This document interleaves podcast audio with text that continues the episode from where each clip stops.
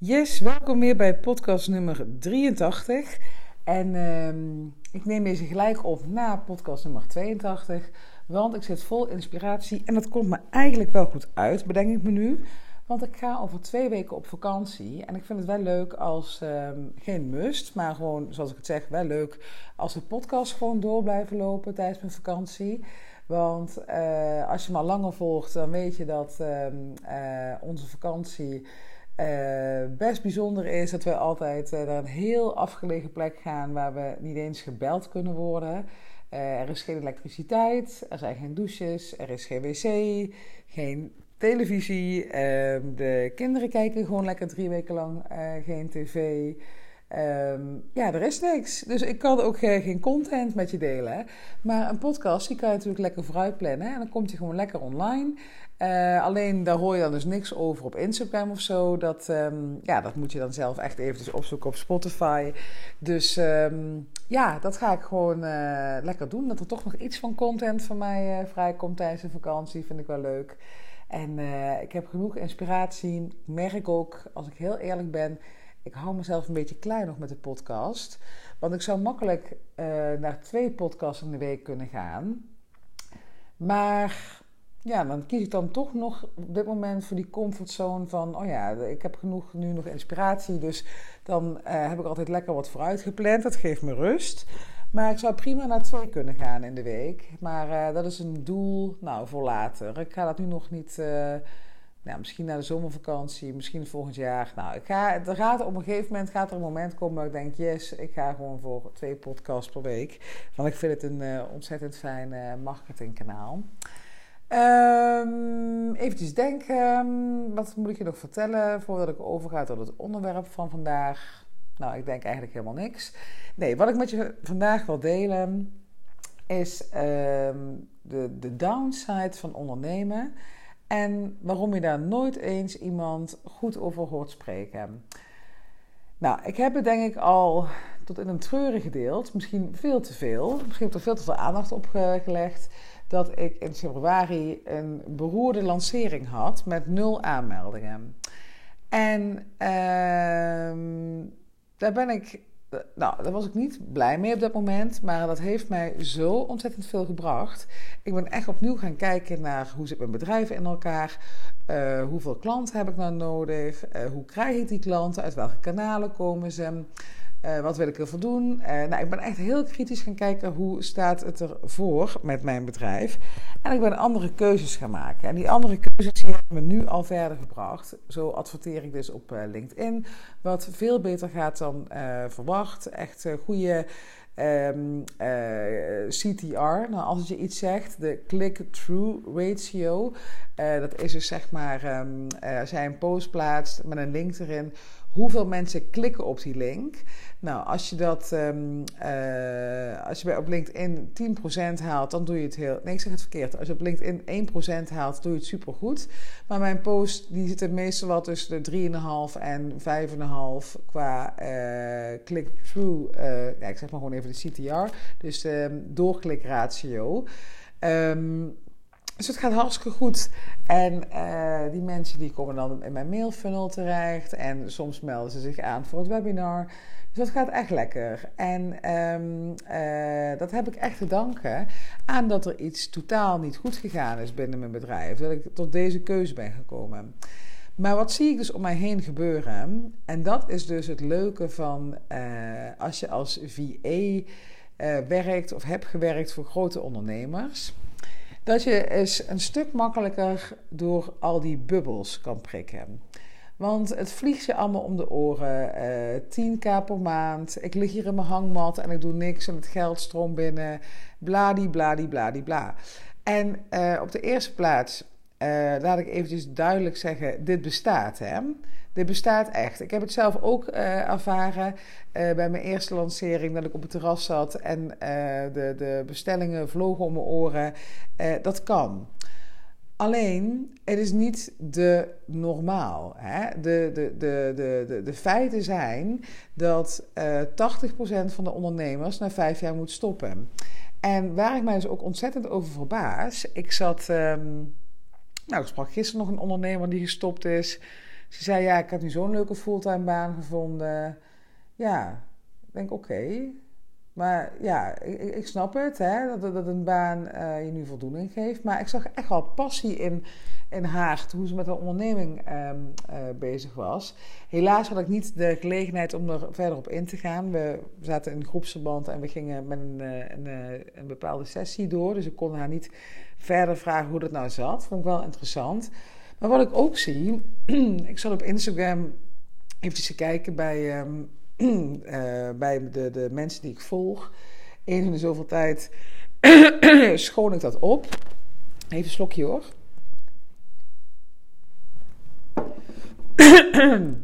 maar uh, ja, eens in de zoveel tijd uh, um, schoon ik dat op. En ik schrok me echt wezenloos van hoeveel accounts heel actief zijn geweest en nu gewoon dood zijn gebloed. Denk jeetje, wat zonde, weet je wel. En wat is er gebeurd dat jij nu niet hebt doorgepakt met je online zichtbaarheid en misschien wel ook gestopt bent met je bedrijf? En ik denk dat een van de redenen is um, dat, dat er veel te veel gedaan wordt online alsof het allemaal heel moeiteloos en vanzelf mag gaan. Want ik weet dat aan de achterkant, ik heb voor heel veel grote ondernemers gewerkt. En ik weet dat het aan de achterkant ook niet altijd roze kleur en uh, maneschijn is. En um, uh, dat, dat er uh, heel veel ondernemers zijn die een lancering doen en die een eerste of een tweede lancering doen met nul aanmeldingen. En dat zou veel vaker naar buiten gebracht moeten worden. Want dat is normaal. Want ik, wat ik dus denk dat er gebeurt, dat er uh, een hoop bombarie wordt gemaakt over, uh, ja, ik verdien 10k per maand, maar ik doe niks. Um, of ik werk maar drie dagen, of ik heb alles uitbesteed aan mijn team, of weet ik veel wat allemaal wat er gezegd wordt. Wat hè, oprecht waar is, maar dat zijn wel ondernemers die altijd al, nou, laat zeggen, tien jaar bezig zijn. Um, maar door die boodschap gaan andere ondernemers die net starten denken van... ik doe iets volledig fout, want ik heb het eerste jaar maar 20.000 euro omgezet bijvoorbeeld. Of uh, ik werk met de pletter. Of, en, en dat is zo zonde dat dat beeld, dat er gewoon veel minder... Um, ja, gezien, gezien, gezien wordt laten. Nou, dat, dat je veel minder ziet op uh, social media dat het af en toe een pittige reis is. En dat zou veel meer duidelijk moeten zijn. Kijk, als een, als een grote ondernemer, ik zag dat laatst ook Eelco de Boer doen, heel fijn. Die vertelde, nou, ik uh, heb een event georganiseerd. Uh, voor corona, uh, twee jaar geleden, had ik 600 man in de zaal zitten en nu 200. En ik baal ervan en ik vind dat kut. Maar hij draaide het ook alweer positief. En later was ook nog, dat was ook interessant, dat van die 200 man die in de zaal zaten, dat ik geloof bijna 95 procent um, zijn vervolgaanbod gekocht had. Een veel groter aanbod, veel, veel, um, waar de investering veel hoger van was een event, volgens mij ergens op de Antillen, waar je met z'n allen samen gaat. Nou, dus die mensen die er waren, waren veel meer um, uh, dedicated, zeg maar. Maar hij baalde daar ook van. En denk, ja, fijn. Fijn dat jij even laat zien dat bij jou ook niet alles vanzelf gaat. En ik denk dat zoveel ondernemers veel meer kracht zou geven van... In plaats van dat, dat gevoel hebben van, oh, iedereen om me heen um, die, die, uh, die verdient vanzelf geld. Um, en, en, en ik niet. En dat is vooral met de online programma's zo, hè. Dat um, uh, uiteindelijk kan een online programma je ontzettend veel vrijheid uh, geven. Daar, dat is ook even de reden waarom ik ervoor gekozen heb. Je kan veel meer klanten helpen. het is een schaalbaar product. Nou, het is hartstikke fijn, een online programma. Ook begin ik nu zelf echt te merken. Ik heb veel één op één coaching gedaan de laatste tijd. En ik merk dat ik echt heel veel dezelfde dingen aan het vertellen ben bij startend ondernemers. Dus ik zit er ook echt over na te denken van om startend ondernemers die echt nog niks op papier hebben, die nog niks hebben staan, dat ik die toch echt naar de online programma's wil gaan doorverwijzen. En dan als ze dat gedaan hebben, dan mogen ze bij mij één op één coaching gaan doen. Maar ja, ik, ik ja, eh, honderd keer uh, vertellen uh, hoe je slim uh, je bij de KVK inschrijft, welke verzekeringen je moet afsluiten. hoe je je ideale klant vindt, dat zeg maar. Dat, um, ja, dat, is, dat, dat, dat is op een gegeven moment niet meer echt vervullend. Uh, tenminste voor mijzelf. Ik wil uh, met iemand, als ik diegene spreek, echt de diepte gelijk ingaan. En dat diegene allemaal al zelf uh, aan de slag is gegaan. Dus dat is echt een voordeel van online programma's. Maar uh, wat je dus heel veel ziet, is dat het er gedaan wordt alsof je maakt zo'n programma en dat er dan gelijk uh, eh, 100 klanten voor de deur staan. En dat is gewoon echt niet zo. Je mag echt blij zijn als je één klant hebt. En van die ene klant komt, uh, komen twee klanten, van twee komen er vier, van vier komen er zestien. Nou, hè, het is echt een soort het ripple effect, noemen ze dat ook wel. Dat, um, um, dat jij telkens meer als een olievlek gaat uitdruppelen. Dat telkens met mensen jou leren kennen, dat je echt die expert in de markt gaat worden. En ja, zo ga je dus meer klanten kunnen bedienen. Maar dat is echt niet van de een op de andere dag. En dat zou zoveel meer gedeeld moeten worden om andere vrouwen ook te laten zien van hé, hey, je mag op je bek gaan. Dat geeft helemaal niks. Um, uh, je hebt zelfs uh, volgens mij in uh, ja, Silicon Valley is het zo van dat je pas meetelt uh, als je drie keer uh, failliet bent gegaan. Maar in Nederland uh, moet het allemaal maar in één keer lukken. En zitten we allemaal met ons ego ingewikkeld te doen. En um, moet het geld binnenstromen. Maar dat is, ja. Ik, ik, ik, zou je willen vragen om het gewoon groter te bekijken. Dus niet van wat heb ik vandaag binnengehaald, wat heb ik morgen binnengehaald, of wat haal ik morgen binnen. Maar meer van wat als ik zo doorga zoals ik nu bezig ben, wat heb ik dan over vijf jaar wel niet op de kaart staan? Hoe is mijn bedrijf dan gegroeid? En als je kijkt naar je omzet van vorig jaar, nou kan je die misschien verdubbelen. Ehm, hè? En, en dat je echt voor je ziet van als ik gewoon doorga met wat ik doe, uh, af en toe uit mijn comfortzone stap, nieuwe dingen probeer, uh, um, mijn expertstatus claim, uh, durf op te schalen hoe gaat dan mijn bedrijf eruit zien? En niet gaan kijken naar, uh, naar uh, um, wat er allemaal niet goed gegaan is of wat er niet goed uh, zal gaan. Want daar leer je zoveel van. Je kan geen fucking goede ondernemer worden zonder echt 23.000 keer op je bek gegaan te zijn. Dat maakt je gewoon een betere ondernemer. En uh, die, met, met die tegenslagen dealen, daar word je ook telkens beter in. En dat, dat, dat, ik merk ook nu dat dat het, het verlicht je echt. Dat je met afwijzing beter kan omgaan. Uh, dat je met um, tegenslagen beter kan omgaan. Johan, die is echt. Laat ik even duidelijk zijn. Vroeger, in een vorig leven, ik weet nog heel goed. Dat is nu. Oh, daar was ik zo kapot van. Even kijken. Dat is nu. Uh, zes jaar geleden. Ja, zes of zeven jaar geleden. Toen wilde ik dolgraag voor um, uh, de, de oprichter van Suit Supply werken. Ik was uitgenodigd voor een uh, sollicitatie. Er was niet een vacature voor, maar iemand had me uh, gezien op LinkedIn. Ik dacht, interessant um, profiel. En ik werd ervoor uitgenodigd en ik heb dat in de puntjes voorbereid. Ik kwam echt volledig beslagen in ijs. Ik dacht ook echt dat er een goede vibe was tijdens ons gesprek. Duurde ontzettend lang voordat ik terugkoppeling kreeg. En uiteindelijk hoorde ik dus inderdaad van je bent het niet geworden. Nou, toen heb ik echt, ik denk een weekend een zak en as gezeten. Ik uh, uh, ben met Johan uh, naar het terras gegaan, wijn gedronken. En ja, hij dacht ook van ja, zo erg is het toch niet. Maar ik vond op dat moment echt vreselijk. Vooral die afwijzing. Omdat ik dacht van het ging toch lekker. Terwijl als nu iemand mij zou afwijzen, Um, nou, dat, gebeurt natuurlijk best wel regelmatig. Dat, ik, dat een klant zegt, nou bedankt voor de informatie, maar ik ga toch naar iemand anders.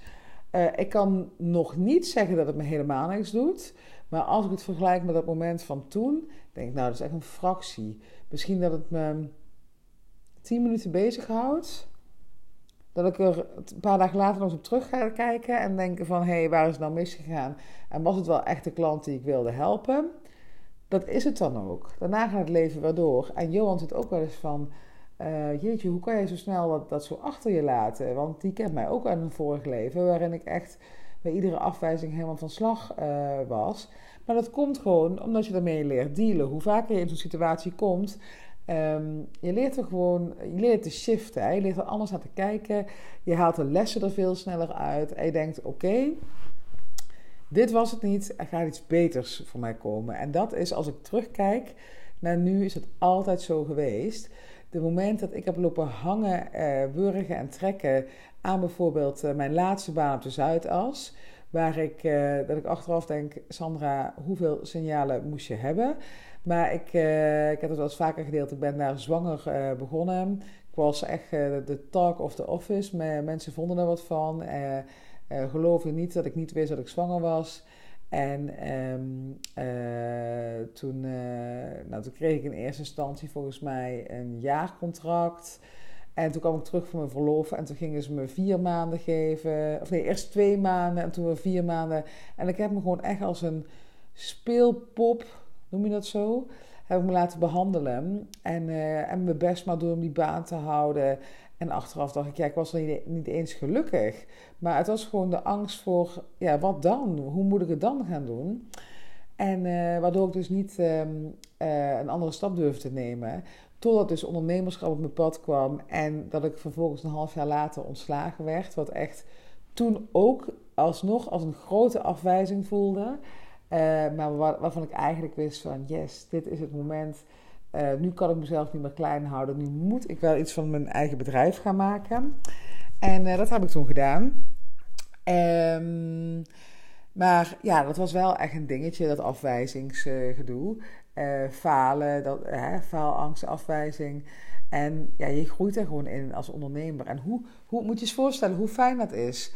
Als je kijkt naar, als je naar jezelf kijkt en kijkt van hoe ga ik nu met een afwijzing om en hoe fijn zou het zijn als iemand nee zegt en ik denk oké, ehm, dit is het niet, er is iets beters voor mij. Hoe heerlijk zou dat zijn? Dus ja, um, uh, gooi jezelf gewoon, uh, werp jezelf voor de leeuwen, ga er doorheen, want het is even het is even pittig en eh, eh, je gaat tegen weerstand aanlopen, je gaat uitdagingen tegenkomen, maar uiteindelijk um, groei je er zo van als mens. En ja, het, het, het maakt je heel licht en uh, het geeft je het gevoel dat je de wereld aan kan. Dus ja, laat jezelf niet gek maken. Het hoeft allemaal niet gelijk succesvol te zijn. Uh, je mag als ondernemer jezelf zien als een leerling. Je mag lekker testen, je mag lekker op je bek gaan. Uh, dingetjes proberen, jezelf voor lul zetten. Maakt allemaal niet uit, want jij hebt die missie voor ogen, jij hebt dat doel voor ogen. Jij wil iets betekenen voor een ander. Uh, je wil een fijn leven voor jezelf creëren. Je wil lekker vet geld verdienen. Dus ga er alsjeblieft voor. En accepteer dat shit erbij hoort. Dat, dat is gewoon het leven. Het zou ontzettend saai worden. En we zouden totaal niet groeien. Want dat is uiteindelijk om het gebeurt. Hè? Dat we met shit te maken krijgen. We zouden totaal niet meer groeien. Als altijd alles over een leien dakje zou gaan. En dat wil je echt niet. En dat, um, ja, dat voelt soms niet zo. Maar dat wil je echt niet. Nou, dus um, ja, daarmee wil ik je uitdagen. Ook als jij op je bek gaat, laat het gewoon een andere zien. Um, dat geeft jou zelf een fijner gevoel. Veel krachtiger dan dat je het onder het tapijt veegt. En het geeft anderen de kracht om te zien van... hé, hey, uh, als zij dit durft, dan durf ik het ook. En blijkbaar hoeft niet altijd alles vlekkeloos te gaan. Want je wil niet weten hoeveel ondernemers ik spreek uh, die echt al een bedrijf hebben staan. Niet mijn klanten, maar uh, gewoon collega-ondernemers. En dan spreek je ze en dan hoor je alle shit. En ja, geen klanten, bla bla bla bla. Um, maar het vervolgens niet delen met de wereld. Denk ja, jongens, kom op. Laat het gewoon zien. Laat het gewoon ook zien. Het hoeft niet altijd roze geur en maneschijn te zijn. Nou, laat ik daarmee afsluiten. Bedankt weer voor het luisteren. En um, ja, op naar podcast nummer 84, denk ik dan maar weer. Ja, dankjewel. Doei.